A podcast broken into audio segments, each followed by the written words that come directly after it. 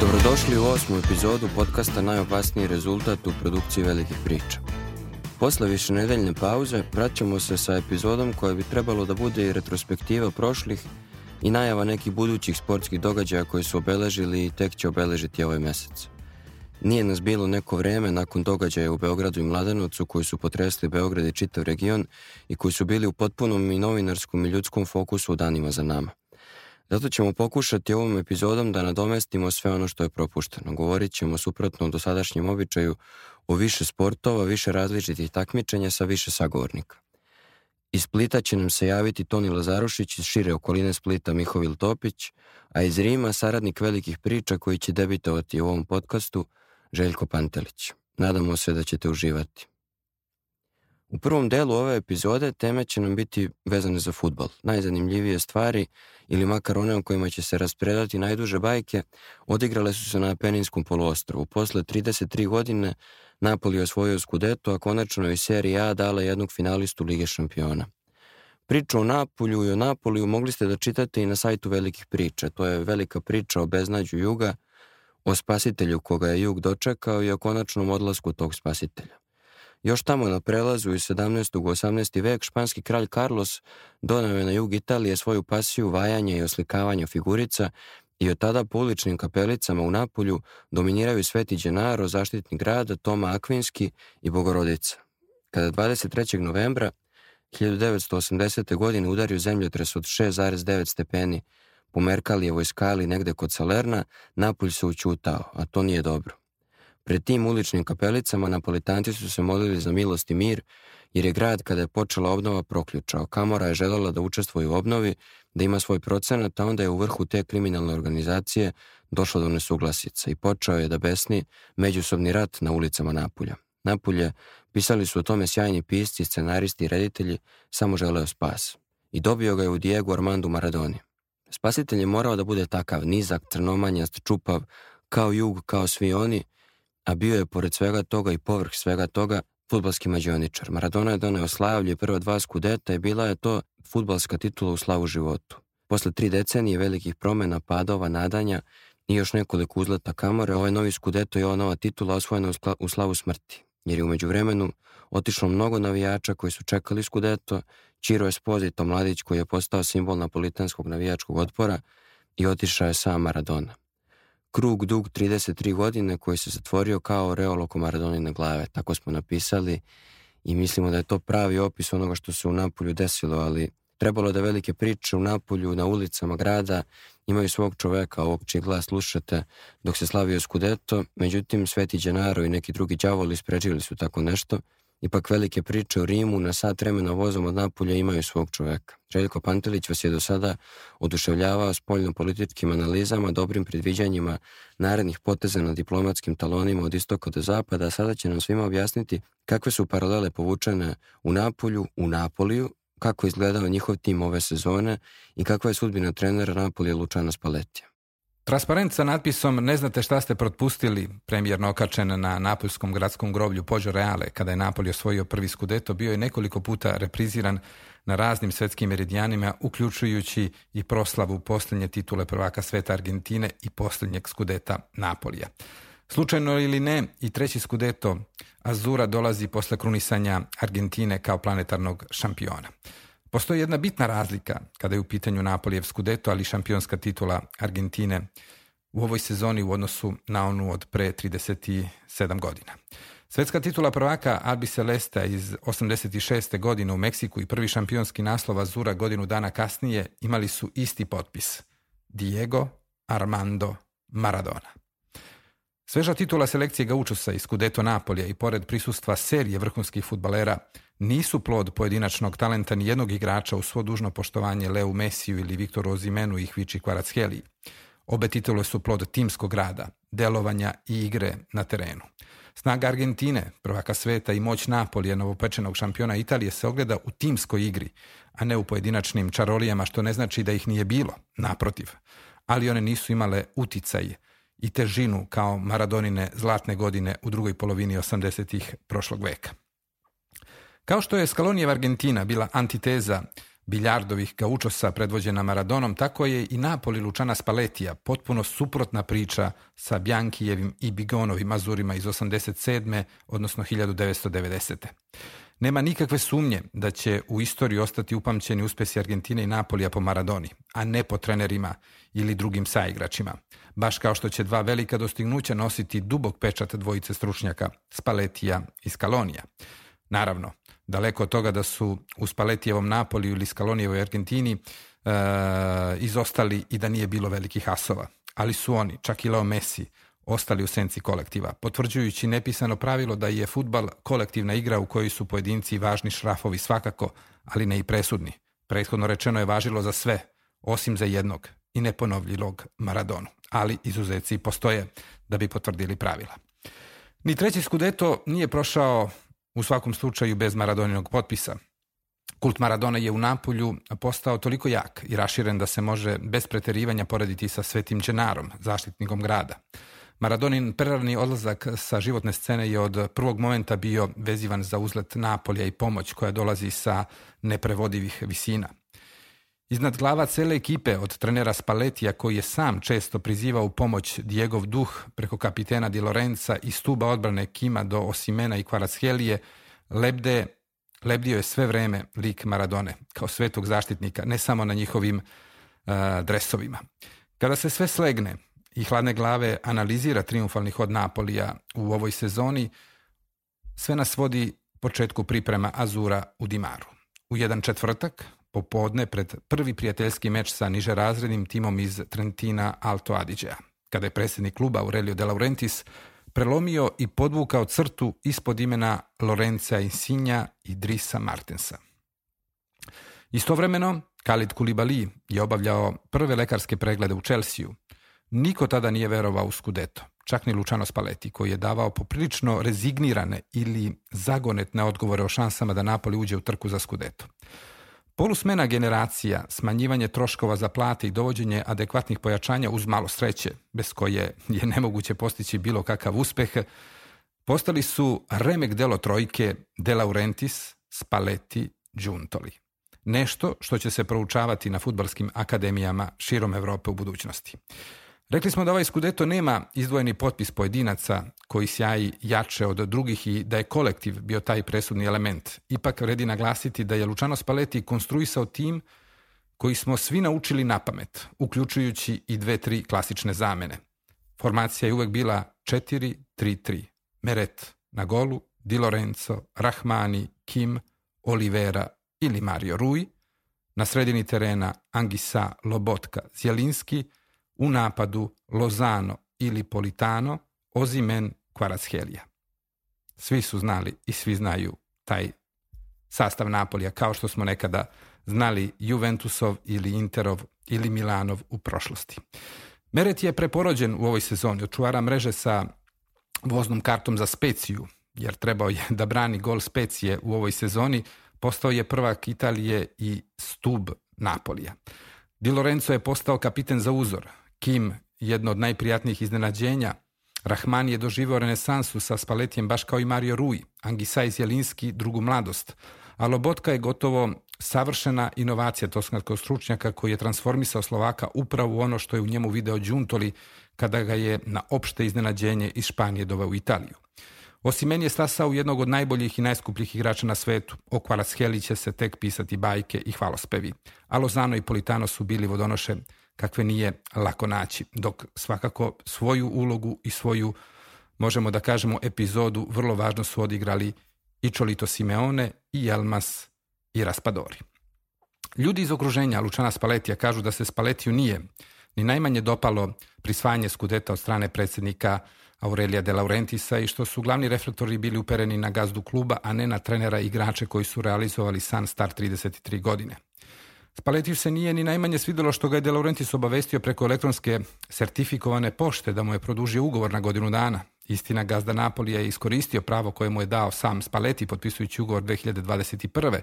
da će Napoli imati jednostrano pravo da produži ugovor do 2024.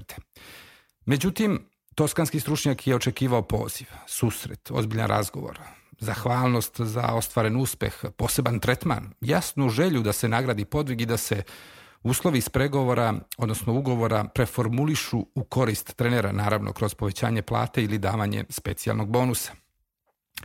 Zbog svega toga, spalet je postao previše čutljiv, sve više enigmatičan, u malobrojnim izjavama i sve više nemiran zbog najava da će Kim sigurno nastaviti karijeru u premijer ligi, da je Ozimenova želja da ostane u Napolju ozbiljno poljulja na basnoslovnim porudama, kao i da par stubova tima koji je osvojio Skudeto, Zjelinski pre svih, iz ovih ili onih razloga meditiraju da napuste Napoli, dok je sportski direktor Kristijan Đuntoli već spakovao kofere i čeka zeleno svetlo za Juve. Dakle, nije u pitanju samo novac, koji za Spaletija, mašta govorili, igra veoma važnu ulogu. Podsjetimo, Toskanac je uzeo posljednji evro koji mu je pripadao po ugovoru gdje god je trenirao, u Romi, Zenitu ili Interu, po cenu da sedi kod kuće mesecima, čak i godinama, dve godine kada je napustio Inter. Lučano je veoma inteligentan, možda i najinteligentniji čovjek među trenerima i vrlo dobro zna da je u sportu najteže ponoviti uspeh, pogotovo kada je on na nivou presedana.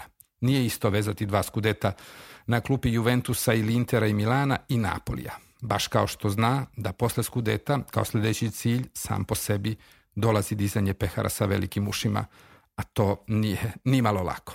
Prošlonedeljni sastanak između Spaletija i De Laurentisa, barem prema prvim izveštajima, je prošao dobro. Međutim, kako su dani prolazili, utisak je da je bio mnogo manje dobar nego što se verovalo.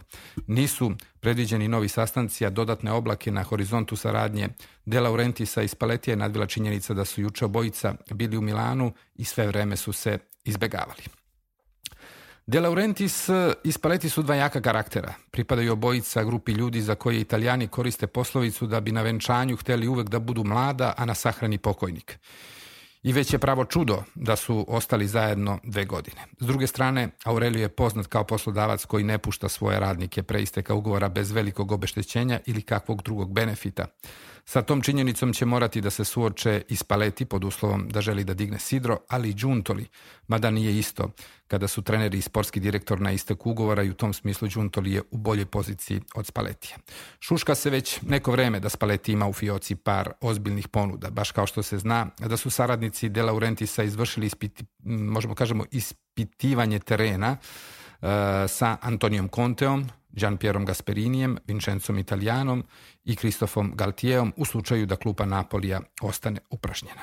Druga važna futbolska stvar koja se dogodila na Apeninima ovog maja jeste finale Lige šampiona do kog se dokopao Inter. U jednom momentu izgledalo je da bi upravo Napoli, o kom smo pričali, mogao da dođe i do finala Lige šampiona u svojoj šampionskoj sezoni. Trebalo je proći Milan i pobednika dvomeča Inter Benfica, što ne deluje kao teren zadatak, ali je Spaletijev tim zastao već na prvoj prepreci. Stefano Pioli, trener Milana, pokazao je da u njemu ima trenerskog šlifa. Odlično pripremio tim za obe utakmice i učinio ono što nikome ove sezone nije pošlo za rukom potpuno je upasivio Kviču Kvarasheliju. Gruzijac je više puta ostavljen na levom boku više desetina puta tačnije u izolaciji sa kapitenom Milana koji je dok je bio svež i sam uspevao da ga zaustavi predvidevši svaki njegov potez, da bi u kasnijim fazama utakmice dobijao i pomoć, pa je Kvič izgledao kao frustrirani klinac koji ne može sam protiv nekoliko igrača. Ipak činjenica da su izbacili novog šampiona Italije, onima koji prate Milan ove sezone nije dalo lažnu nadu. Taj tim mnogo zavisi od Lea, nema dovoljnu širinu da osim nekom Piolijevom trenerskom minijaturom izbaci kvalitetnijeg protivnika i to se pokazalo protiv Intera. Nije Inter nešto mnogo kvalitetniji tim od Milana, ni tima kvalitetnijeg trenera, pošto na njegovoj klupi sedi Simone Inzaghi, ali kada bismo uporedili samo navalu, kako neki komentatori RTS-a vole i dalje da zovu napad timova, samo napade Intera i Milana, utvrdili bismo značajnu razliku kvantitativno i kvalitativno. Milan je zapravo jedini veliki italijanski tim sa kojim se Inter ove sezone naigrao. Simone Inzaghi od kada je preuzeo Inter muči se sa svim velikanima i samo je protiv Rosonera ove sezone zabeležio četiri pobjede. Probao je u obe utakmice po sličnom principu iz Napulja Pioli da popuni vezni red Tonalijem, Serom i Krunićem, da zatvori neke koridore, da spreči protok lopte protivniku, ali čak i kada mu je to uspevalo, napred je Milan delovao jalovo. Bio je bezopasan i bio im je potreban čovjek koji može da izdribla, koji može da napravi višak, koji može sam da oslobodi određeni prostor i da se na taj način napad Milana učini fluidniji, međutim tog čovjeka nije bilo. Rafael Leao nije igrao prvu utakmicu, a u drugoj je bio bleda senka igrača koji je ove sezone E, zaslužio pohvale i interesovanje klubova širom Europe.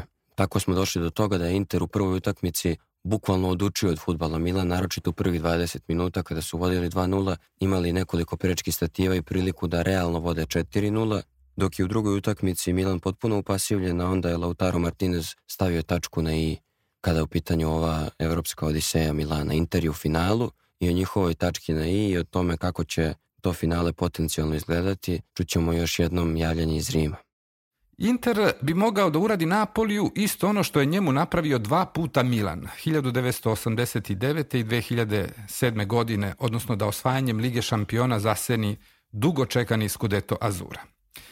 Inter, Inzaghi, Istanbul. I da li će tu doći tačka ili će biti tri tačke, odnosno poker, mogao bi da bude u neku ruku i savršen naslov za jutro 11. juna kada ćemo znati da li je Inter kompletirao kolekciju slova i ili mu je stavljena tačka na i. Nije uzalud govorio Napoleone Bonaparta da više voli srećne nego dobre ili sjajne generale. Inter Simone iz Nagije je zasluženo stigao u Istanbul, uključujući i sreću koju je imao sa kuglicama u Supremacija Intera na terenu je bila evidentna u svim ovogodišnjim mečevima sa Milanom, o čemu svedoče četiri pobjede sa gol razlikom 7-0. Kao da je sudbina htjela da se poigra sa Inzagijem, posjećajući ga da je izgubio ogromnu, veliku, možda i neponovljivu priliku da osvoji svoj prvi trenerski skudeto. Napadački Arsenal Intera, Martinez, Džeko Lukaku je ovoj godini postigao do sada 51 gol. Milanov trio, Leao, Žiru i Diaz tek 32 i to je dovoljno da se shvati zbog čega je toliko velika razlika između dva kluba. U futbalu više nego u bilo kom drugom sportu je potrebno imati boginju sreće na svojoj strani. U nijednom drugom sportu epizode i okolnosti ne utiču na konačni ishod kao u futbalu. Inter se na krov Evrope u tri prethodna navrata peo sa trenerima strancima, dva puta sa Elenijom Ererom i sa Joseom Murinjom. Inzaghi neće biti prvi italijanski trener koji je stigao u finale sa Interom. Gianni Invernici je doveo do završnice Inter 1972. godine kada je morao da ustukne pred Ajaxom Johana Krojfa, ali bi mogao da bude prvi Italijan koji je doveo Nero Azure na evropski tron. Inzaghi zaslužuje pohvale jer je ostao na nogama u dramatičnom periodu od 26. februara do 15. aprila kada je na 10 utakmica uknjižio pet poraza, tri remija i samo dve pobede da je predsjednik Intera bio Massimo Morati, on bi bio već na polju i dobio bi otkaz, verovatno je posle drugog ili trećeg poraza. Inzaghi nije izgubio lucidnost i nakon tri uzastopna kiksa na San Siru, bez dato gola, uspeo je da digne skvadru, odnosno tima. Imao je sreću da u osmini finala dobije Porto, najslabijeg mogućeg protivnika u osmini finala Lige šampiona, ali je bio isto tako i uporan da čeka Lukakua koji je dao jedini gol u 180 minuta dvoboja između italijanskog i portugalskog kluba u verovatno najdosadnim i najlošim utakmicama ovogodišnjeg izdanja Lige šampiona. Na je vračun ide i činjenica da je posle serije neuspelih pokušaja uspeo da digne formu ključnih futbalera. Barele, Lautara Martineza i Lukakua. Imao je hrabrosti da smeni Handanovića na golu sa Onanom. Pogodio je trojku, Darmjan, Acerbi, Bastoni – kada su ga Škrinjar i Defraj izdali i da od njih napravi bedem ispred gola Onane. Nije ga pokolebala ni serija povreda Robena Gosensa zbog kojeg e, zbog kojih Nemac nije bio ni deseti deo briljantan kao u dresu Atalante, ali je zato lansirao na veliku pozornicu Dimarka, pokazujući da uvek je ispravna ona stara, dok jednome ne smrkne, drugome ne svane. Znao je Inzaghi da istrpi i Dumfrisa i njegove uspone i padove, pogotovo posle mundijala. Naravno, i u četvrtfinalu je Inter bio miljenik Fortune. Ne samo zato što je izbegao Manchester City, Real Madrid ili Bayern, već i zato što je izvukao Benfiku, koja samo što je prodala svoj dragulj Enca Fernandesa i bila je u vidnom padu forme u odnosu na prvi deo sezone. Ali sa raskoropađenim eh, Barelom, probuđenim Lukakuom, osveženim Martinesom, stamenim Čerbijem i mačkom na golu Onanom, Interu su se otvorili novi horizonti koji su se prostarili sve do Bosfora. Od Remija sa Benfikom e, i prolaza u polufinale Ligi šampiona počinje Interov niz od osam pobjeda u serija Ligi šampiona i Kupu Italije. Ne razuri redom tuku sve. Sve one protiv kojih su gubili u prvom delu sezone. Juve, Lazio, Roma, Milan nekoliko puta. Inzaghi je i u Laciju imao dugačke serije pobjeda, baš kao i neprekledne tunele bez triumfa, po pravilu u prva tri mjeseca nove godine, što se dogodilo i ove. Sreća u nesreći u ovoj sezoni je bila da je izašao iz tunela pre nego što je definitivno kompromitovao plasman u Ligu šampiona preko prvenstva. Neki će reći da kada se uporedi hod Intera sa drugim finalistom, Porto, Benfica i Milan nisu ni blizu snage drugih takmaca. Ali trebalo je biti u prilici da izvučeš Porto i da ti zapadne Benfica i Milan. Stari Rimljani bi rekli carpe diem. Baš tako. Inzaghi je znao da uhvati priliku u letu.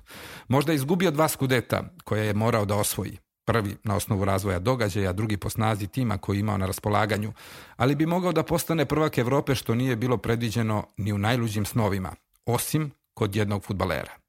Jer predsjednik Intera Steven Zhang je potvrdio da je Piano Gentileu u finale Lige šampiona i osvajanje titule prvaka Evrope verovao samo jedan futbaler, samo jedan čovek, Big Rom. Lukaku. Sada svi veruju da mogu da pobede.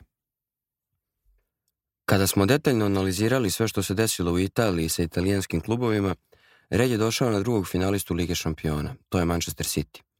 City je u odličnoj situaciji. Dok ovog jutra snimamo ovaj podcast, u prilici je da osvoji sve najvažnije trofeje koje se mogu osvojiti.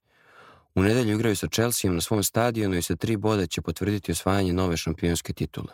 Nakon toga ih čeka finale FA Kupa protiv gradskog rivala Uniteda, a zatim 10. juna u Istanbulu igraju final Lige šampiona. Guardiolin tim je potvrdio očekivanja pre početka sezone. Najbolji i najširi tim s jednim od najboljih trenera ikada uvijek je konkurentan za sve trofeje i bez obzira što će ponekad neko drugi imati najbrži krug vikenda, oni voze svoju trku dugoročno u toj trci niko ne može da im parira. Guardiolin tim je u jednom momentu ipak bio u situaciji da bude u ozbiljnom zaostatku za Arsenalom i Artetom i kako smo nazvali Artetom malim pepom. I delovalo je da će šampionska trka biti mnogo zanimljivije i mnogo dinamičnije nego što je u ovom trenutku. Ali je i tada i u svakom drugom momentu bilo jasno da City kao utvara u onom čuvenom Spoon Dead klipu na YouTube. Ako niste gledali, pogledajte u tom klipu jasno je prikazano da možeš da bežiš, možeš da odeš na drugi kontinent, možeš da se sakriješ i pod kreveti, u kadu i u šahtu i gde god. Oni će se samo stvoriti pored tebe, izvući kafenu kašičicu iz unutrašnjeg džepa kaputa i zatući te E, samo da kratko šampionsku trku stavimo u kontekst. E, City je tu trku trebalo da vodi i vodio je većim delom sezone protiv Arsenala. Za Arsenal se kaže da ima u sezonu. Za Liverpool se recimo kaže da ima jako lošu sezonu i verovatno će se gro navijača jednog i drugog kluba s tim složiti. Međutim, poslušajmo samo jedan podatak. Od Mundijala je na 22 utakmice Arsenal osvojio 44 boda, a Liverpool 43. Prosto stvar je percepcija kako ćemo ovu sezonu posmatrati, ali brojevi su jasni i brojevi ne lažu. Šampionska titula u premijer ligi stvar je sakupljanje bodova da i onda kada gubiš uspeš da izvučeš poslednji atom snage i izjednačiš u 97. minutu jer je taj jedan bod bitan. Naročito kada sa druge strane imaš tim koji je u trkama protiv Liverpoola prethodnih sezona pokazao da može da pobedi i na 13 i na 15 poslednjih utakmica u sezoni bez jednog kiksa. Guardiolin City je autoritativan, na terenu izgleda kao da u svakom trenutku on odlučuje šta će se na terenu dešavati, jer je to istina, i izgleda kao tim koji može da izgubi bodove samo onda kada je sam za to kriv. Da je jako teško bilo ko može da nametne svoj stil e, i da nametne ono što želi na terenu, tako da Guardiola i njegova ekipa izgledaju inferiorno i da se ne pitaju. E, Arsenal je u utakmicama e, sa manjim timovima pod znacima navode izgledao kao da se pita i liči upravo na, na, na taj autoritativni City.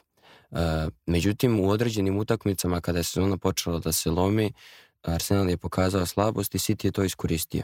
Guardiolin tim je predvođen Kevinom De Bruyneom i ovim sumanutim Erlingom Haalandom koji je oborio sve rekorde po broju golova u, jednoj sezoni i taj Guardiolin tim ima kvalitet koji je u ovom trenutku realno nedodirljiv u Premier ligi.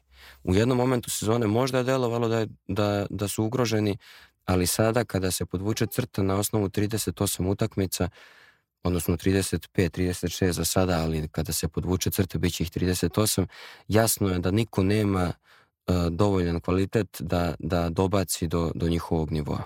E, kada već nisu dobili po ušima zbog financijskih malverizacija koje su ove sezone i potvrđene, a mnogi su se nadali da će po uzoru na Juventus premijer Liga ili ko već kazniti Manchester City oduzimanjem bodova ili oduzimanjem Europe za sljedeću godinu, onda je bilo logično da prošetaju do pehara. Arsenalu nedostaje još nekoliko ovakvih sezona, nedostaje im još nekoliko vrhunskih igrača i nedostaje im vera da uopšte mogu da voze City ovom brzinom 38 utakmica. Lično mislim da sljedeće sezone oni neće biti ni blizu ovog nivoa osvojenih bodova i ni blizu e, trke sa Cityjem i da će trku sa Cityjem voditi neki drugi klubovi. O tome ćete u subotu na velikim pričama moći da čitate E, okrugli sto, round table koji smo napravili u kome će učestvovati i Vlada Novaković, sportski novinar koji već neko vrijeme piše za velike priče od početka zapravo rada sajta i koji daje svoje zanimljive ekonomske i druge futbolske analize. Tu će biti e, Saša Ibrulj, naš saradnik iz Stokholma, kako on kaže, šire okolice Mostara i bit će Mihovil Topić, koga, ćete nešto kasnije čuti u ovom podcastu kao i moja malenkost. Mi ćemo tu govoriti o čitavoj sezoni premijer ligi, odgovarati na različita pitanja o tome šta je zapravo bio ključni trenutak ove sezone za Manchester City, ko će sledeće sezone moći da se bori za šampionsku titulu, zašto su baš ovi timovi koji ispadaju iz premijer lige ispali i da li, na primjer, Brighton kao jedno iznenađenje, pozitivno i svetla tačka ove sezone može da ponovi ovakvu sezonu i da postane faktor. Međutim, da se vratimo sada na City, to koliko je City dobar, osjetili su i klubovi van, van Premier lige. Dešavalo se Guardioli ranije da u Ligi šampiona uh, svojim overthinkingom i prevelikim razmišljanjem, izmišljanjem tople vode, propusti priliku da dođe do kraja. Gubio je i onu četvrtfinalnu uh, utakmicu protiv Tottenhema sa ludarskim var odlukama, ali i njegovim eksperimentisanjem. Gubio je neke neverovatne utakmice koje niko, i neke neverovatne dvomeča koje niko ne bi rekao da će taj tim e, City je izgubiti. Izgubio je finale Lige šampiona u ostalom upravo zbog toga što je overtinkovao.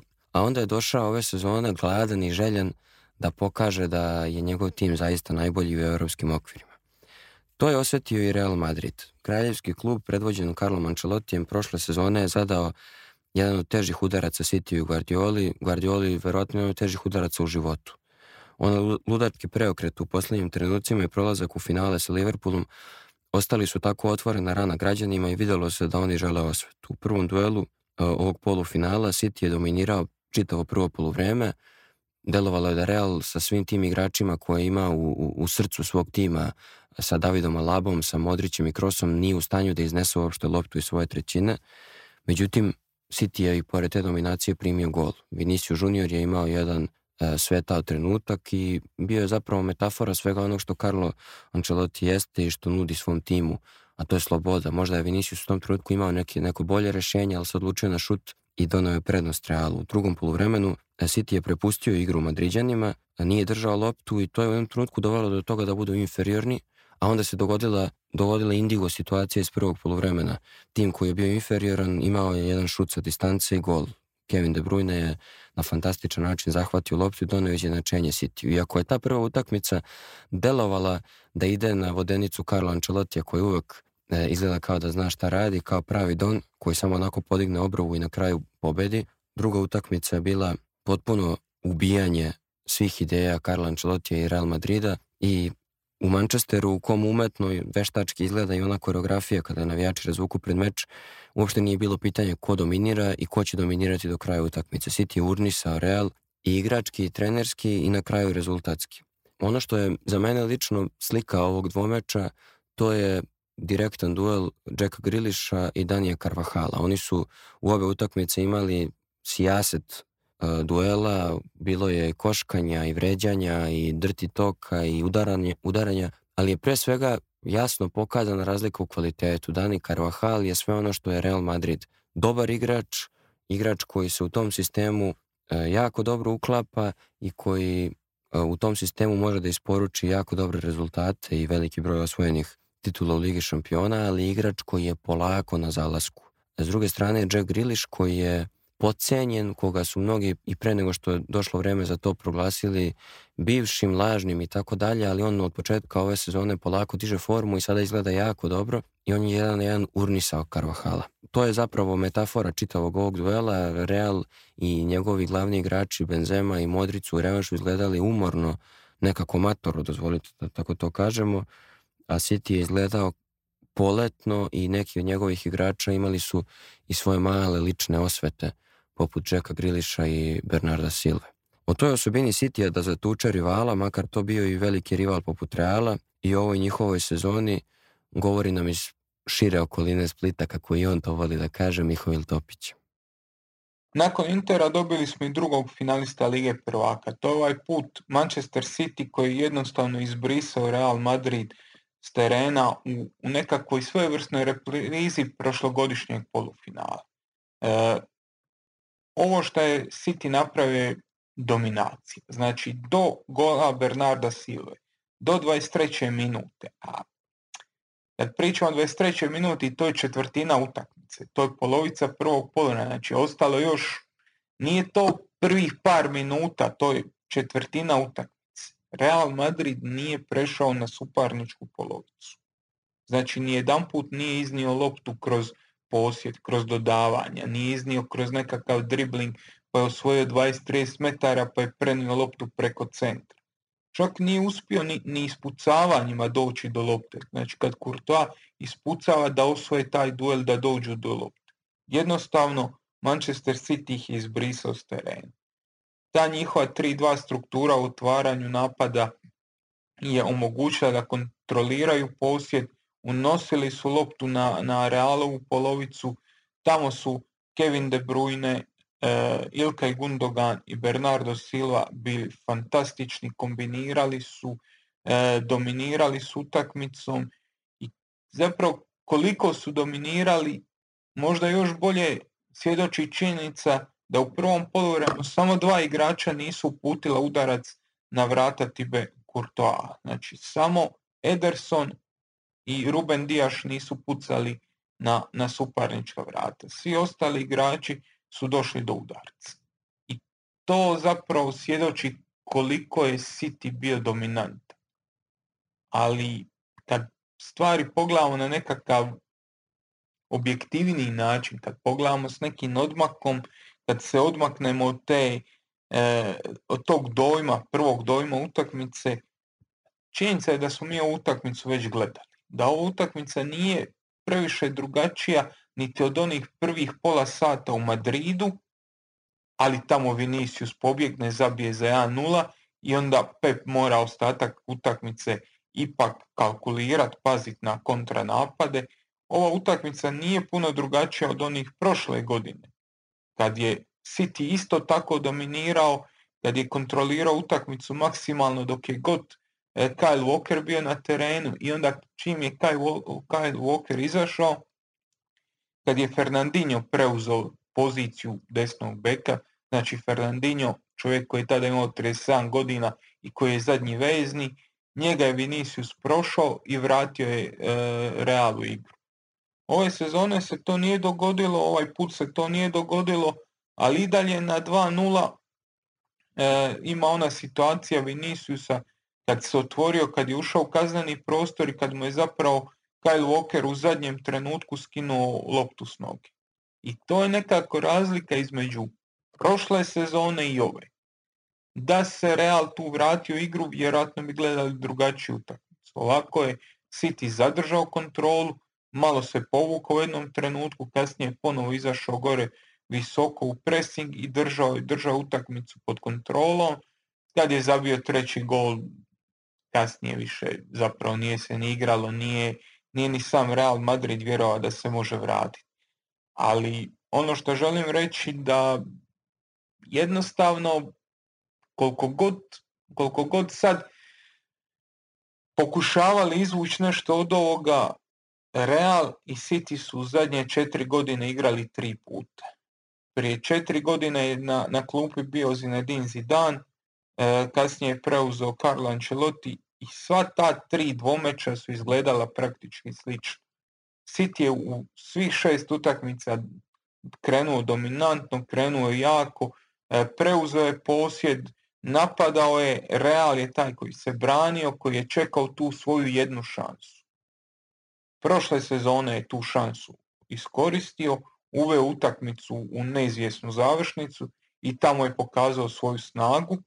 U ostalim utakmicama nije iskoristio tu jednu šansu, uključujući ovu sada.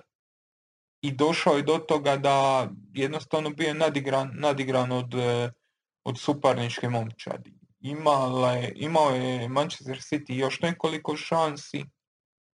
Ima onu situaciju kad je Kurta obranio jako dobre pokušaje Halanda.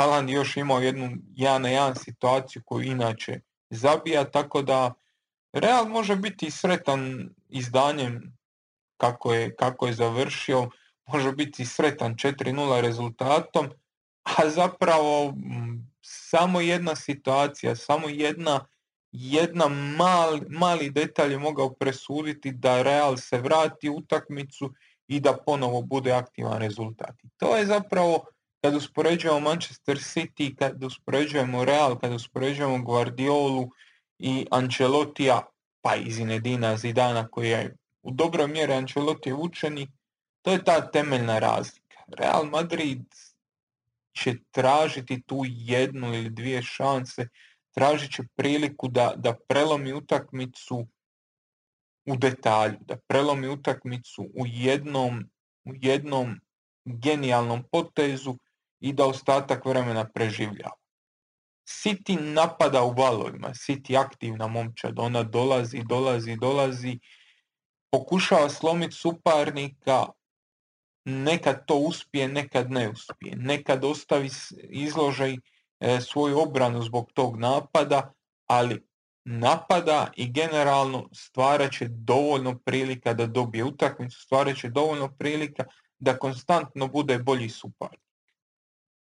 E, ovaj, put, ovaj put je malo presudila i ta, možemo to slobodno reći, Ancelotijevska crta. Recimo za prvi gol e, De Bruyne provlači loptu između Modrića i Krosa, između njih dvojice u tom trenutku bilo možda 40 cm prostor. On je tu provukao loptu na, na Bernarda Silvu, on je pogodio u prvi kut, ostaje nečuvan. Nije ostao nečuvan, imao je dva igrača koja su ga čuvala, dva igrača koja su branila liniju dodavanja na njega, ali De Bruyne je svom genijalnošću to nadmašio, provukao je loptu, imao je tu ono, možemo slobodno reći, trenutak inspiracije. Onda se možemo vratiti na prvu utakmicu. Isto tako, trenutak inspiracije, gol sa 20-30 metara, jako dobar udarac s distance, ali ne i nešto ono, ne nešto na što trener može utjecati. Tako da ovaj, ovaj prolazak Manchester City ima tu notu nekog E, amo ga nazvat pragmatičnog Pepa, nekog anđelotijevskog pristupa, ali zapravo i nije baš ovu utakmicu ovih 4-0 smo mi već gledali. To smo gledali u prvom poluvremenu ove madridske utakmice, to smo gledali prošle godine i to smo gledali prije tri godine kad je, e, kad je Manchester City izbacio Real pod Zinedinom Zidanu. Tako da ono, vrlo često se ta razlika između toga je li neko vrhunski trener, genijalac e, ili je prevara koja eto, ima sreće i troši milijarde eura, ovisi o rezultatu, ovisi o tome hoće li ti Goldman u jednom trenutku nešto braniti ili neće, hoće li Kyle Walker skinuti Vinicius loptu s noge ili neće, a Nogomet je zapravo puno više od toga. Posle futbala idemo na zasluženu pauzu. Ostanite sa nama, brzo se vraćamo i pričamo o svim košarkaškim playoffovima koji su se igrali i u ovom trenutku se igraju na čitavoj planeti. Podcast Najopasniji rezultat proizvodi velikih priča. Za samo evro možete se pretplatiti na portal Velike priče i šest mjeseci čitati, slušati i gledati sve što radimo. Dostupna je i godišnja pretplata. Život je velika priča. Ne propuštajte ga. Posle pauze u fokusu nam je košarka. Tačnije svi ti važni play koji su se igrali ili se i dalje igraju širom sveta. Krenut ćemo sa Europom gdje je završen play-off Euroligije gdje je Partizan nažalost, nažalost svih navijača Partizana propustio veliku priliku da se plasira na Final Four. Crno-beli su protiv Real Madrida ispustili vođstvo od 2-0 u seriji i na kraju su u petoj utakmici poraženi. Na Final Four Plasirali su se tako Real Madrid, Barcelona, Olimpijakos i Monako, a Partizanu ostaje da se pita šta se to zapravo dogodilo. I kada pričamo o tome, a to je bila polemika u brojnim kafanskim naklapanjima u posljednjim danima i nedeljama, možemo vjerojatno da izdvojimo tri faktora koja su doprinela da Partizan izgubi ovu seriju od Reala. Prvi, e, tuča na kraju druge utakmice koja je preokrenula čita momentum serije. Sergio Ljulje je jako faulirao Kevina Pantera i to je kod nas proglašeno uličarskim faulom.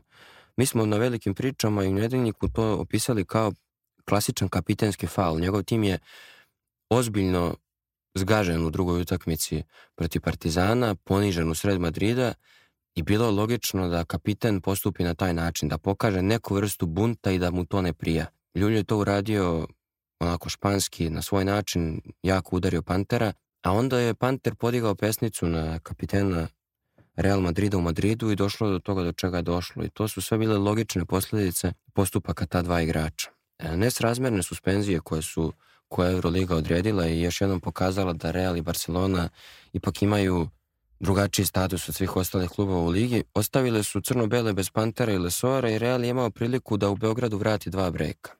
To se ne bi dogodilo da nije bilo drugog faktora, verovatno, a taj drugi faktor jeste masovno ubistvo koje se dogodilo u osnovnoj školi Vladislav Ribnikar u Beogradu i odluka Partizana da igra utakmicu.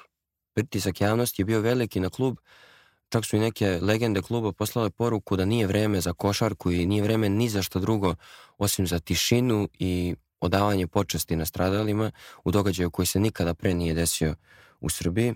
Međutim, Partizan je odlučio da igra. Kako smo saznali od Dejana Bodiroge, nije ni bilo namere da se utakmica odloži, iako je iz kluba stiglo objašnjenje da je gust raspored.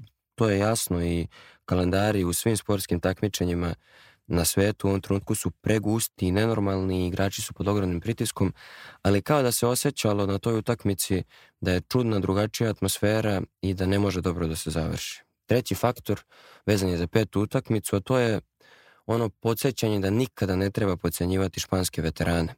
Čačo Rodriguez, Sergio Ljulj i Rudi Fernandez su održali doktorsku disertaciju o tome kako se bori za klub. I Toni Lazarušić i ja smo više puta spominjali da je jedan Real, ako im sve zavisi od Čača, Serhija i Rudija koji su u poznim igračkim godinama, a onda smo i mi dobili važnu lekciju, njih nikada ne treba otpisivati. Ima ona sekvenca kako Rudi Fernandez igra odbranu, on i pokriva svog igrača, i usmerava čitavu ekipu i stiže da na stranu pomoći i opet pokriva svog igrača. to sve radi sam i to sve radi čovjek koji je pre toga dobio jak udarac od Dante Egzuma u rame i izgledalo je u jednom trenutku da ga je Egzum totalno polomio, ali on ima energiju i radi to na taj način. E, Sergio e, Ljulj ima priliku da pogodi nekoliko šutava i on nijednu od tih prilika neće propustiti. Ima priliku da udari kada treba i on tu priliku neće propustiti, da prigovori sudijama i on to neće propustiti, da gestikulira ka navijačima i podigne atmosferu i shvatili da ste već, on to neće propustiti. Čačo je dobio od trenera Reala odrešene ruke posle dve utakmice da mnogo više kreira, igraju mnogo više minuta i u petoj utakmici je to naplatio, potpuno je poništio odbranu Partizana i nekako ta tri jahača apokalipse, kako ih je nazvao naš Tonja Lazarušić, u tekstu na velikim pričama, uništila su crno-beli svet. E, partizanova, turobna atmosfera, čiji su se navijači posle druge utakmice sprtali da bi trebalo pustiti Real u trećoj utakmici, pa da Panteru istekne suspenzija za Final Four, e, prenela se i na play-off ABA lige. E, tamo je Partizan poražen u prvoj utakmici četvrtfinalne serije protiv studentskog centra, što je potpuno neočekivano i Željko Obradović izgledao sablažnjeno pristupom svog tima na konferenciji za štampu posle meča u danu kada snimamo ovaj podcast igra se druga utakmica te serije. S obzirom na to da je Partizan još u četvrtfinalnoj fazi, Crvena zvezda igra svoju polufinalnu seriju sa ogromnim razmakom između utakmica, na to su se žalili i neki igrači, ali je da crveno-bele to neće poremetiti i da su favorit protiv budućnosti. Zanimljiva je bila izjava Luke Vildoza, jednog od najvažnijih igrača Crvene zvezde, koji je rekao da nikom ne prije 9 dana pauze između playoff mečeva, ali da su i oni, igrači Crvene zvezde, bili uz Partizan i da je on svestan da je Partizanova igra u Euroligi bila važna za čitavu Srbiju, srpsku košarku i automatski za ABA ligu, čiji su Partizani i Crvena zvezda predstavnici. Nadamo se da će Euroliga prepoznati značaj ta dva kluba za, za svoje takmičenje i da će u narednom periodu Srbije i Beograd imati dva redovna učesnika tog takmičenja. Ako sve bude prema očekivanjima u play-offu ABA lige, Crnobeli će preokrenuti seriju protiv Studenskog centra jer su nemerljivo kvalitetniji i na kraju će odmeriti snage sa Crvenom zvezdom, iako ih čeka i polufinale. Ako ne bude sve prema očekivanjima od potencijalno najuspješnije sezone košarkaškog kluba Partizan u istoriji ili makar u posljednjih 30 godina, sezona bi mogla da se pretvori u košmar. E sad kad smo kod košmara, vrijeme je da preletimo okean i zašto da ne, ismejemo se u lice Joelu Embiidu. Ne zbog toga što je dobio MVP priznanje, on ga je E, zaslužio i potpuno je bi bilo izlično pričati o tome da li su on ili Nikola Jokić zaslužili priznanje jer su obojica na neverovatnom nivou i pružaju neverovatne partije, ali da mu se ismejemo u lice možda malo i zbog pristupa svemu što radi, priča i kako se ponaša na terenu u posljednje vreme. Otpočele su finalne serije konferencija u NBA ligi i u njima neće biti Embiida. nema ga zbog toga što, kako on kaže, E, ne mogu oni Harden da igraju sami i po ko zna koji put on baca ljagu na svoje saigrače i ponaša se e, i neprincipijelno i neprofesionalno zapravo pravi razlog zašto Joel Bida nema u finalu e, istoka je Joel Embiid i James Harden. To su igrači koji su podbacili u, pe, u sedmoj utakmici serije protiv Bostona, koji su odigrali smešnu utakmicu i Boston je uspeo od jedne potpuno nezavidne situacije da preokrene seriju u sedmoj utakmici Tatum je pokazao ko je zapravo tu tata na parketu. Ubacio je čovjek 51 poen, oborio rekord po broju poena u sedmoj utakmici i to je uradio baš preko Embiida sa dva teška šuta, a onda se samo nasmeja u kameru.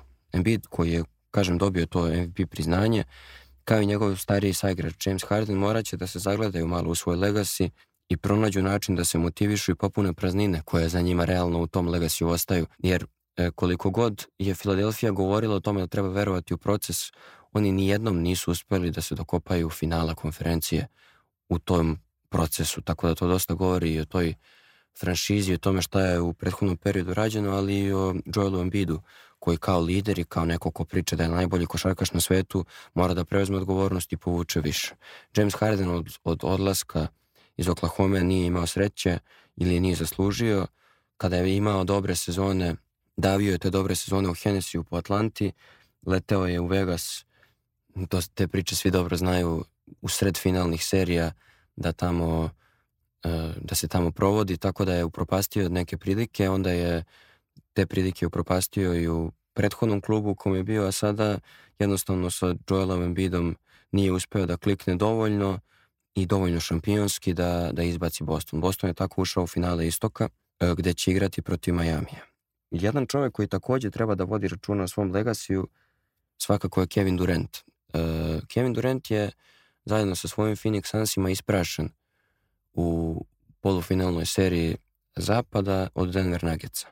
Lično, to je bilo veliko iznenađenje i za veliki broj navijača Phoenix Sunsa zbog toga što je delovalo da bi Sunsi mogli da pruže bolji otpor Denver. Denver ima jednu manu u igri, a to je i to vrlo značajno, Ahilovu petu, to je odbrana od pick and rolla koju su godinama mnogi timovi koristili, međutim Phoenix koji ima potencijal da to koristi nije to iskoristio.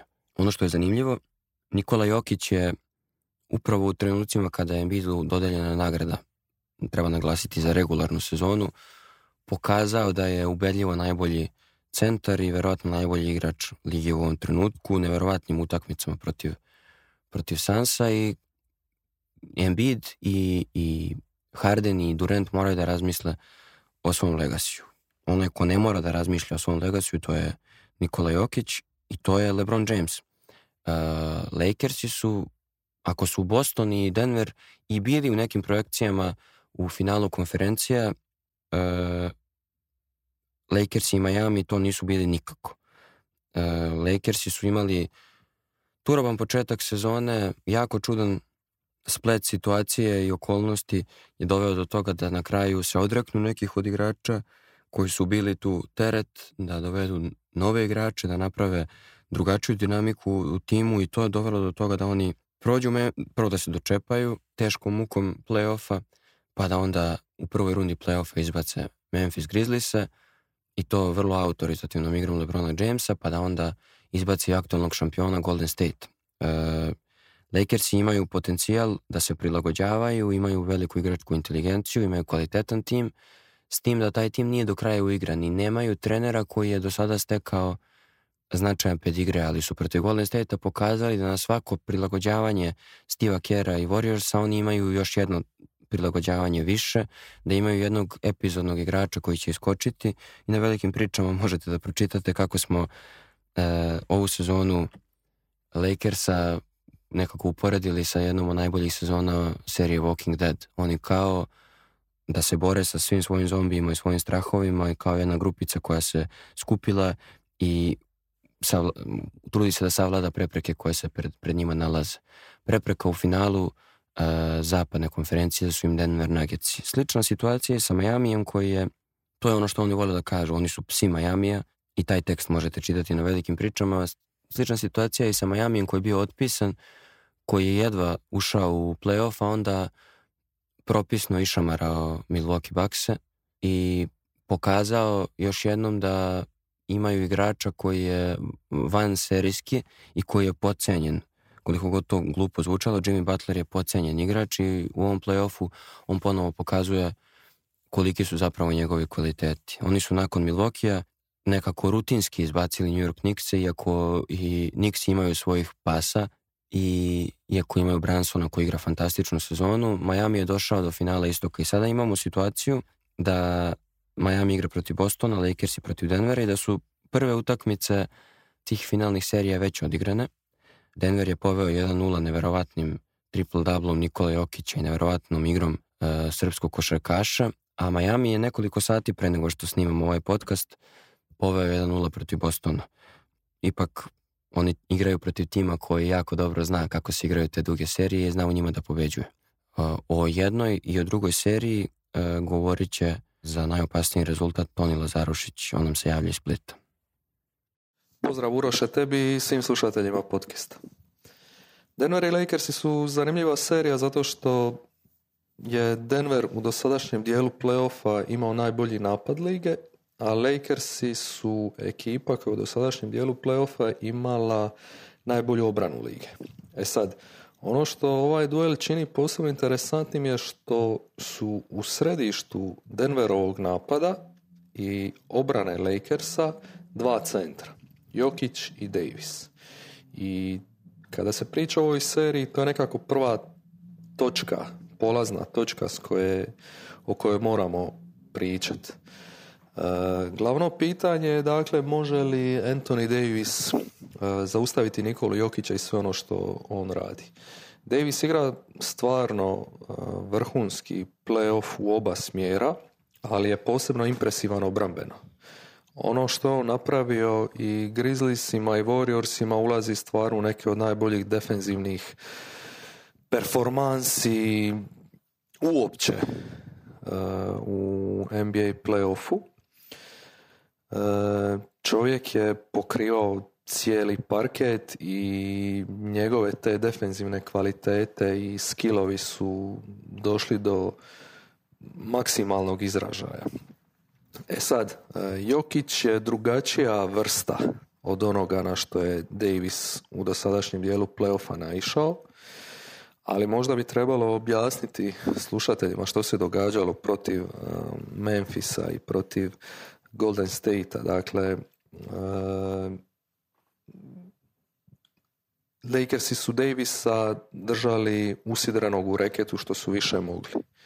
Zašto je to bitno? Bitno je zato što posebno protiv Warriorsa bilo, zato što Warriorsi igraju jako puno na protrčavanja i na backdoor katove, dakle na utrčavanja iza leđa obrane i tako kreiraju sebi lagane poene. Jeli.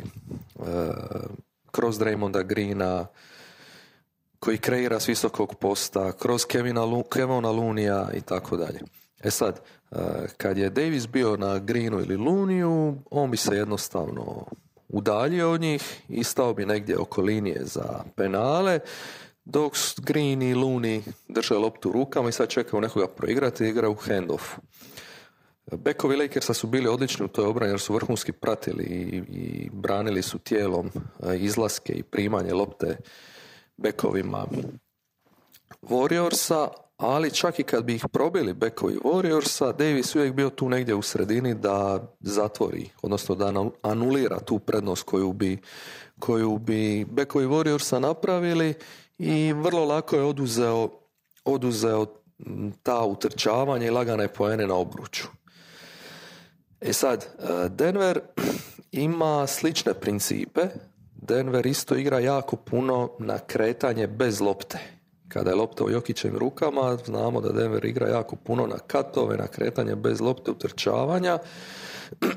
Davis se u osnovi, u teoriji, može poslužiti istom taktikom. Dakle, on isto može se opet povući u reket i braniti taj prostor.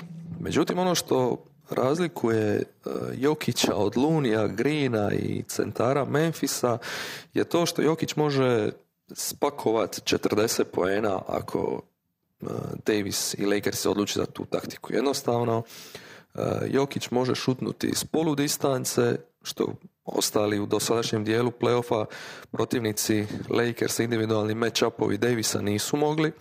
Davis može zabiti, e, ispričavam se, Jokić može zabiti tricu. Jokić jednostavno može uzeti loptu i igrati u izolaciji protiv Davisa. Znači, e, ovo je drugačiji tip centra u odnosu na ono što smo do sada gledali e, što je branio Davis i onda se nameće pitanje je li možda najbolje za Lakers da Davis uopće ne brani ne brani Jokića nego da ga stave na nekog drugog igrača u obrani Denvera i da onda tako bude blizu i, i kontrolira sredinu, jeli, reket, obruč. Ko bi to mogao biti? To je, to je sad pitanje svih pitanja. Ako Davis ne brani Jokića, tko ga može braniti? Prva opcija je Vanderbilt, koji bi trebao startati u petorci. Međutim, Vanderbilt, po mom mišljenju, nije igrač baš koji može uspješno braniti petice. On je više igrač koji se snalazi u nekakvoj e, help obrani, dobar je protiv trojki, četvorki, imao je svojih momenata i protiv Morenta i protiv... E, u drugoj rundi protiv uh, međutim e, ne vjerujem da on kao nekakvo visoko krilo može braniti Jokića koji bi se onda samo trebao spuštati u post i imati dosta lagan zadatak. Treća opcija bi mogao biti LeBron James, ali čisto sumnjam da će Ham trener Lakersa se odlučiti za tu strategiju, ostalom Lebron više nije u naponu snage da se može baviti tim stvarima, nego njegovu energiju treba štedjeti. Tako da e, za početak mislim da Lakers se odimo dosta jedan nezgodan matchup koji će teško riješiti i sad sve ovisi o Jokiću kakva će biti e, njegova egzekucija. Ono što je dobro za Denver je što je on u obje prve, u prvoj i drugoj rundi e, playoffa pokazao da je spreman, da je fizički u odličnom stanju i da je u formi. Tako da ovaj završetak sezone gdje on na momente izgledao pomalo nezainteresirano, gdje je po meni izgubio čak MVP titulu i gdje Denver nije imao dobre rezultate, mu je dobro došao jer sad je tempirana forma baš za ovo. Dakle, ovih zadnjih mjesec dana je malo popustio da bi sad dodao gas. I sad je dodao gas i Davis ima dosta, dosta problema sve to iskontrolirati. E, to je nekako e, prva točka, jel? gdje ćemo vidjeti kako Davis brani Jokića, kako Lakersi brane Jokića, s tim da ne treba, ne treba zaboraviti da je Davis, da još to nadodam, da je Davis onako dosta sklon ozljedama i da pretjerano raubanje zna i na njega ostaviti e, probleme i u zdravlju i u formi sklon je ozljedama. I e sad, ako će se on morati nekih 35 do 40 minuta hrvati s Jokićem to je konstantna bitka u postu, to je, to je i trčanje kroz blokove, to je i izlaženje na šut, e, to su i guranje i povlačenja i udaranja. Može li njegovo tijelo, Davisovo tijelo, to sve izdržati? E, drugi matchup koji ćemo treba obratiti pozornost je e, Gordon protiv Jamesa, gdje Gordon mm, je igrač koji Jamesa može mečirati fizikalijama. Eh, osim toga, to je dobra rola za Gordona jer on kao help defender može malo više pomagati u sredini protiv ostalih igrača Lakersa jer LeBron baš ne šutira i dan u ovom playoffu. Eh, dakle, tu nekako Lakersi u eh, odnosno Denver u napadu s Jokićem i obrani s Gordonom ima dva, dva dobra rješenja. drugo je pitanje Treće pitanje, e, tko čuva Jamala Mare u ovoj seriji? E, po meni ni Russell, ni Reeves nisu baš idealna rješenja, e, posebno Russell, a i Reeves je pokazao dosta problema kada treba braniti toj point of attack obrani. najbolja opcija bi bila Vanderbilt nekako, koji onda može malo i preuzimati taj pick and roll Mare Jokić, ali već smo rekli Vanderbilt bi mogao imati problema na tom sviću protiv Jokića, a osim toga Vanderbilta možeš li ga uopće tolerirati u ovoj seriji s obzirom da on, da on nema e, šut. Što se obrane Denvera tiče, e, da, bit će zanimljivo vidjeti kako Jokić brani Davisa, posebno zato što Hem voli Davisa mm, koristiti u off-ball e, i off-screen akcijama gdje ga izlači kroz blokove i tako otvara šut ili mm, nakon jednog bloka Davis ide na obruč. E, može li Jokić to pratiti? Može li Jokić e, braniti igrača koji je prva ili druga napadačka opcija? Može li ostati e, izvan problema sa osobnim pogreškama? I još jedna stvar koja je dosta bitna je što ja mislim da Denveru daje dobre šanse ovdje je njihova obrana protiv bekova gdje imaju Kentaviju Caldwell Poupa i Brusa Brauna koji mogu uštopati Rasela, Reevesa, Šredera, Lonija Walkera. Dakle, u njima dvojici imaju te igrače koji mogu odlično e, braniti pick and roll i zatvoriti, zatvoriti te nekakve ispušne ventile, ajmo ih tako nazvati, Lakersa. E, jedan bitan faktor također je to što je Denver bolja šuterska ekipa. Lakersi se stvarno muče sa tim šutom. Imao dosta problema sa spacingom u ovoj e, postavi kada imaju na parketu i Jamesa i Davisa i Vanderbilta gdje Davis i Vanderbilt praktički ne šutiraju tricu, a Jamesova trica također nije baš dobro u ovom playoffu i on se muči sa šutom. E, Denver na drugoj strani ima Jokića koji šutira 50 i nešto posto za tri, imaju Mareja, imaju Kentavius Caldwell Popa, imaju Michael Porter Jr., imaju Greena, imaju Browna koji je odličan postao šuter iz kornera, imaju puno više opcija i u momentima kada se treba odvojiti, mislim da će se Denver e, lakše odvajati, lakše raditi nekakve serije jer imaju taj veći šuterski, šuterski potencijal moja nekakva prognoza je da ovo Denver e, dobiva u šest utakmica jer mislim imaju prednost domaćeg parketa, imaju nekako bolje posložene matchupove i imaju najbolji igrače u seriji. Po meni je to Jokić i ako nastavi stvarno u ovoj formi i ako zadrži ovu agresivnost, mislim da onda to e, Denver dobiva u, u u šest utakmica jer Lakersi ne vjerujem da mogu zabiti dovoljno. Ne pocijenjujem ni Davisa ni Jamesa, ali ne vidim da mogu stvoriti nekakve matchup probleme Denveru kao što Denver može njima. Tako da u šest. Kako sam rekao i malo pre, ni ova druga serija Majamija i Bostona neće biti ništa manje zanimljiva. Ovo je donekle klasik istočne konferencije u posljednjih par godina i deluje da bi ekipa koja uđe u finale sa istoka mogla da pomrsi ozbiljno konce timu sa zapada i ja, ja lično tim sa istoka kogod bude prošao finale vidim kao blagog favorita u odnosu na, na pobednika zapadne konferencije. To nije za najopasniji rezultat najavio i tu finalnu seriju. Boston i Miami igraju evo sad već e, treći put u četiri godine ovo je postalo kao nekako malo rivalstvo na istoku. E, slično kao i u seriji mm, protiv Denvera i Lakers opet je bitno opet je bitno kako će biti raspoređeni match gdje će tko tražiti prednost, kakve će se postave koristiti. Dakle, to su sve nekako e, bitne stvari u playoff serijama. E, mene za početak najviše zanima e, može li Miami zabiti dovoljno. Miami je u playoffu pokazao e, dva lica. Pokazao je da mogu biti užasno šuterski vrući, kao što su bili protiv Milvokija, ali su pokazali da mogu pobjeđivati na, na mišiće kada utakmicu odvedu u blato, kao što su učinili protiv Niksa.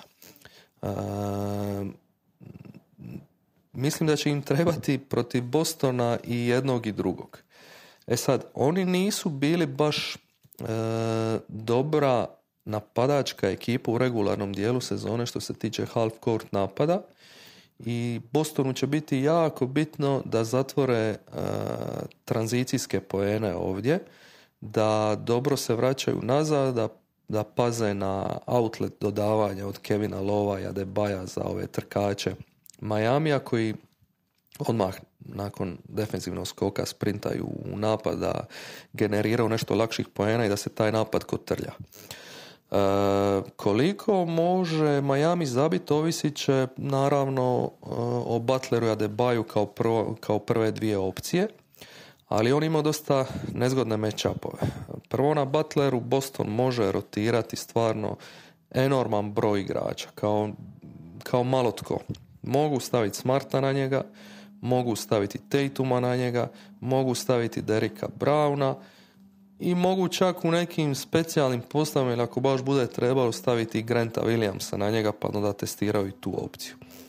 A Debajo na drugoj strani će imati također ono nezgodan posao jer ga čekaju Horford i Robert Williams, što znači da Boston ima alate kako braniti njih dvojicu e, jedan na jedan. E, može li to Boston napraviti? To je pitanje. Boston nekako najveći problem je što znaju igra dosta neodgovorno u obrani i kao da im ponekad fali malo malo te nekakve defenzivne discipline kao da ne igraju punom snagom.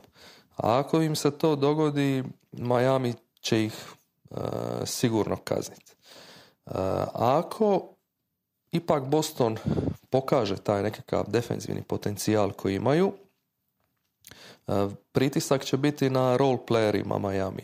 Znači na Lovu, e, Štrusu, Lauriju, Duncanu Robinsonu, Gabe'u Vincentu i tako dalje to su sve igrači koji e, jednostavno ako fokus obrane bude potpuno na Butleru i Adebayu moraju, e, moraju zabijati trice.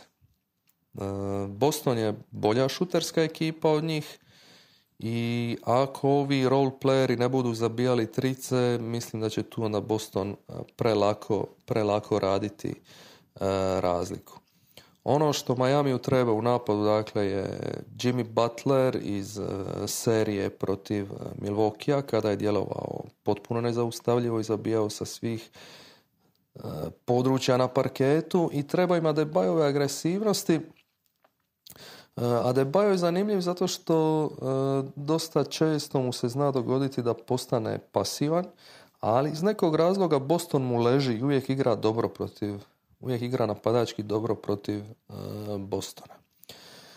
Što se Bostona tiče, e, najzanimljivija stvar koju će trebati gledati je s kim će e, Mazula krenuti u startnoj, u startnoj postavi.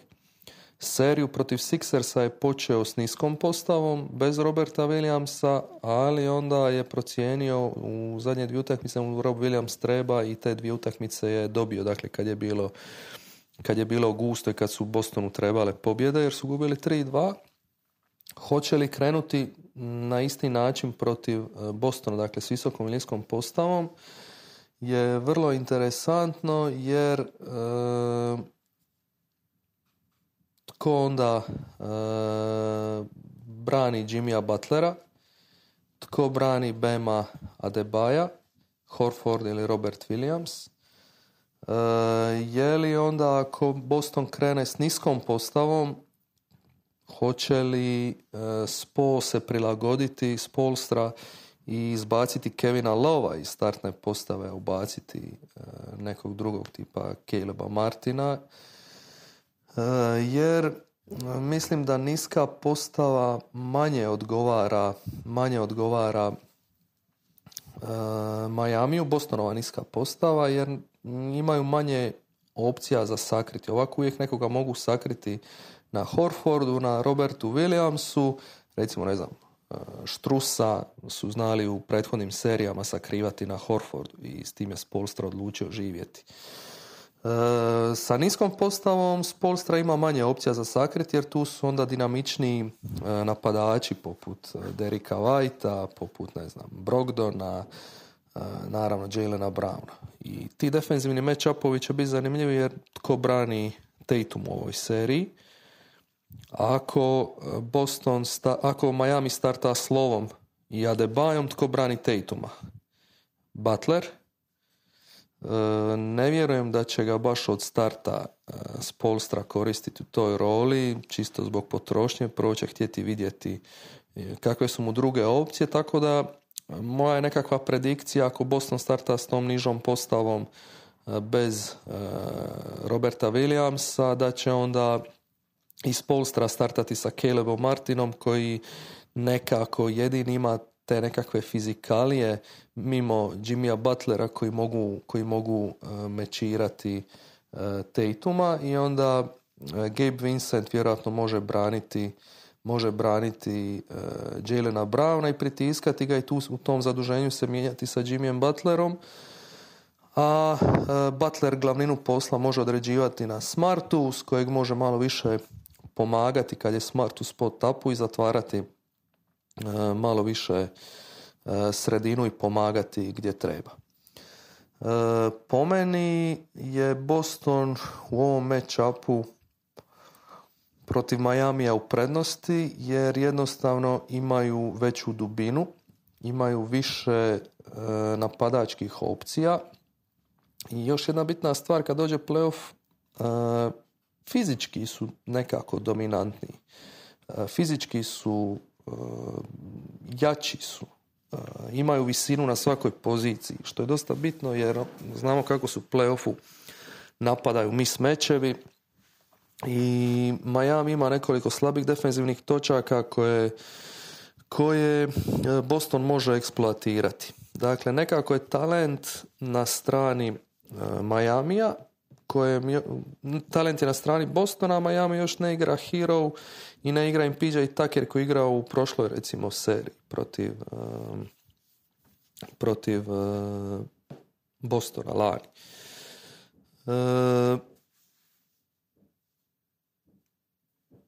Jedan X faktor u ovoj seriji bi mogla biti zona Majamija. Dakle, e, Miami može ubaciti zonu 2-3 koju vole igrati i tako sakriti te neke svoje defenzivne manjkavosti i to što imaju e, manjak centimetara gotovo na svakoj poziciji.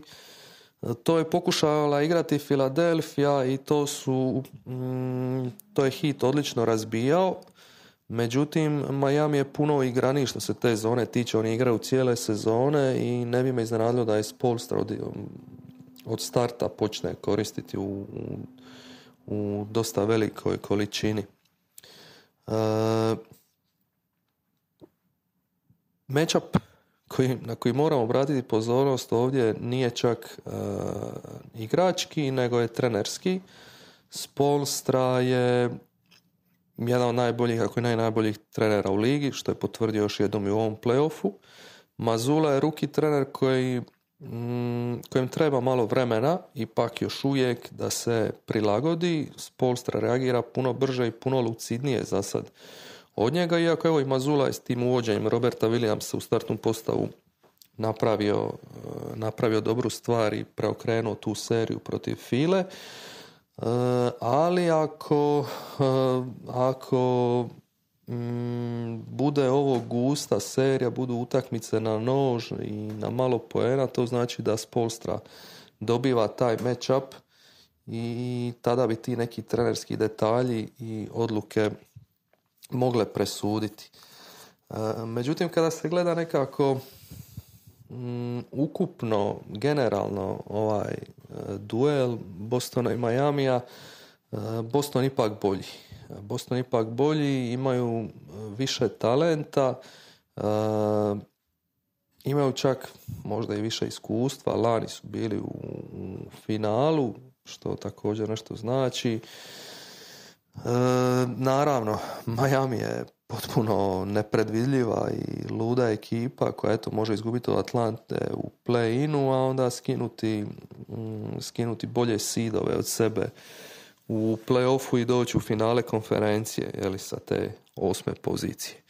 Tako da njih nikako ne treba pocijeniti, posebno zato što se Boston dosta muči E, u playoffu izgubili su dvije od Atlante utakmice, izgubili su tri od e, Filadelfije, dakle nije, nije da taj talent e, baš tako presuđuje utakmice i da će ostali timovi skinuti gaći ispred njih, a posebno to neće napraviti Miami. Dakle, ako Boston ovdje ponudi bilo šta Majamiju i bilo kad, Miami će to uzeti. I ovdje imamo taj još jedan sukob nekakav ha ne znam je li to psihološki, mentalni, ideološki, e, gdje imate na jednoj strani e, talent, a na drugoj strani imate taj nekakav pozitivan pristup, fajterski mentalitet i to. E, I sad, na što ste se spremni kladiti je ono što može biti presudno na koga ćete se uopće kladiti u ovoj seriji. Ja nekako više volim se fokusirati na na parket i po meni je tu mm, Boston bolji, tako da ću u ovoj seriji reći da favoriti idu dalje, bolje rangirana ekipa ide dalje i da bi Boston ovo trebao proći u, u šest. Kada smo u ovoj hibridnoj epizodi podcasta Najopasniji rezultat kompletirali pregled i najave košarkaških playoffova, ostaje da vam se zahvalimo na pažnji i da se nadamo da smo ovom dugom i sadržajnom epizodom uspjeli da nadomestimo to što nas nije bilo neko vrijeme. Na kraju ove epizode bit će pesma U slavu životu i u čast onima čiji su životi izgubljeni. Another Brick in the Wall. Čujemo se sljedeće nedelje.